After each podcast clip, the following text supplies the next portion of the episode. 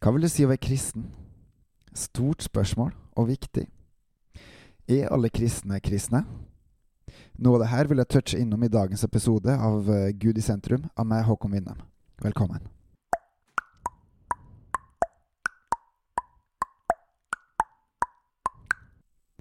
For så høyt har Gud elska verden, at han ga sin enbårne sønn, for at hver den som tror på Han, ikke skal gå fortapt, men ha evig liv.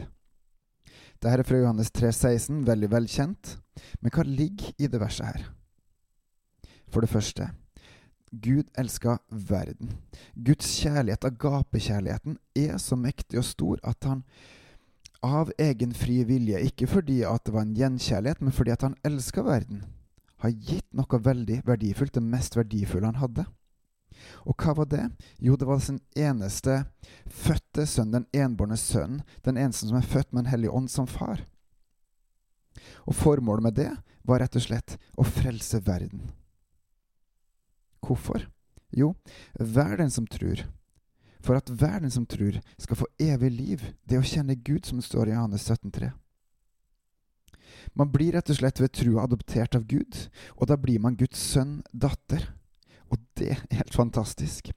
Helt ufortjent, og kun av Hans nåde. Hvilken enorm kjærlighet til oss. En enorm mulighet, en gave, for hver den som tror. Og så er det også slik at den som ikke tror, går fortapt. Dette er ikke hovedformålet, eh, for Gud sendte sin sønn for å frelse verden. Men de som ikke velger Gud, de går fortapt. Dette er Bibelen veldig tydelig på, og frykten for Herren er jo begynnelsen til visdom. Frykter du ikke Guds allmakt, dom og sannhet, vil du gå fortapt. Da vil du på dommens dag bli dømt etter dine gjerninger, og ikke ha nubbesjans til å etterleve Guds standard til å frelse deg sjøl gjennom det du har gjort. Dermed blir døra inn til Guds rike og Hans hellige lukka, og du forblir hjemme hos motstanderen, og der vil du ikke evig være. Guds kjærlighet gjennom Den hellige ånd som bor i hver den som tror, driver derimot frykten bort til fordel for kjærligheten. Frykten for Gud og Hans allmakt ligger fortsatt i bunn, naturligvis, men drevet av Ånden får man kjenne Gud og Hans kjærlighet, Hans allmakt og omsorg, glede, nåde, rikdom og Guds rike fred. Og da ser man hvilken mektig og god Gud og Far vi har. Da ser vi at Han elsker oss, oppdrar oss, hele oss og driver oss ut på åkrene for å høste flere som kan få del i den samme enorme gudskjærligheten, noe som er det beste en har. Det her er rikdommen. Det her er den største kjærligheten vi kan ha, og som er verdt å bruke hele livet sitt på. For det her er livet, det evige liv, det å kjenne Gud. Hvilken mektig Gud vi har. Så hva skal til for å bli hver en kristen? Man må ta et valg. Vil du følge Jesus eller verden, mammona eller Anna? Du må rett og slett bestemme deg hvem som skal være din nummer én.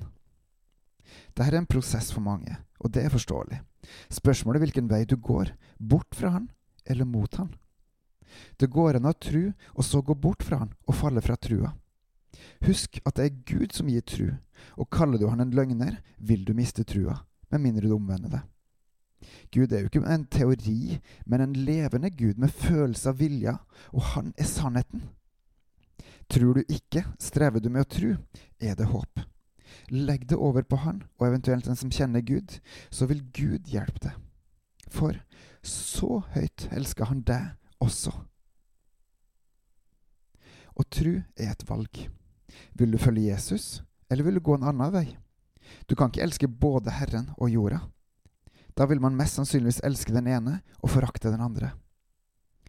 Sjøl er jeg veldig glad i livet mitt her på jorda, noe jeg er takknemlig for, at jeg har det så mye godt, og samtidig så jager jeg etter å elske Herren mer og mer. Det er mye i denne verden som er godt og fristende, og samtidig er Herren viktigere.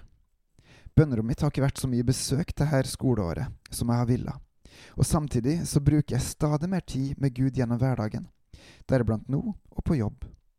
Han er jo tilgjengelig hele tida for hver den som tror og lar seg drive av Den hellige ånd. Ganske nylig fikk jeg to voksne til å gråte under veiledning av Den hellige ånd. Både gledestårer og tunge tårer. Gud berørte begge til enorm glede. Og må vi, hans folk, skjønne hvor stor forskjell vi kan utgjøre for mennesker og skaperverket dersom vi lar oss drive av Den hellige ånd. Men nå havner jeg på vidda i forhold til temaet. Å tro på Jesus er et valg. Skal man være kristen, må man velge Jesus. Hvis ikke Jesus får være først hos deg, vil du sannsynligvis bli strøket ut av livets bok. Enten er man gift, eller så er man det ikke. En kan ikke gifte seg og så reise bort uten å komme tilbake. Er det da et ekteskap? Likedan er det med Gud, for vi til sammen er Jesu brud. Er vi gift med Han, må vi holde ekteskapspakten. Da skal vi ikke være utro og løpe etter andre, nei, da holder vi oss til Han som er vårt hode. Det betyr at noe må man legge av, må man slutte med å gjøre og tenke.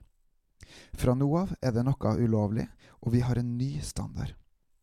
Det er vel nettopp det her som er det vanskelige med å komme til tru. For en må gjøre et valg og legge bort det gamle man har dvelt ved i alle år, og så heller følge Jesus, vår ektemann. Vil man gifte seg inn i det her, vil man godta å gi slipp på sitt eget og la Han råde? Kjære, det finnes ikke noe bedre. Kom inn til Han og la Han råd. Da kan du slippe skuldrene ned, for du er i trygge hender.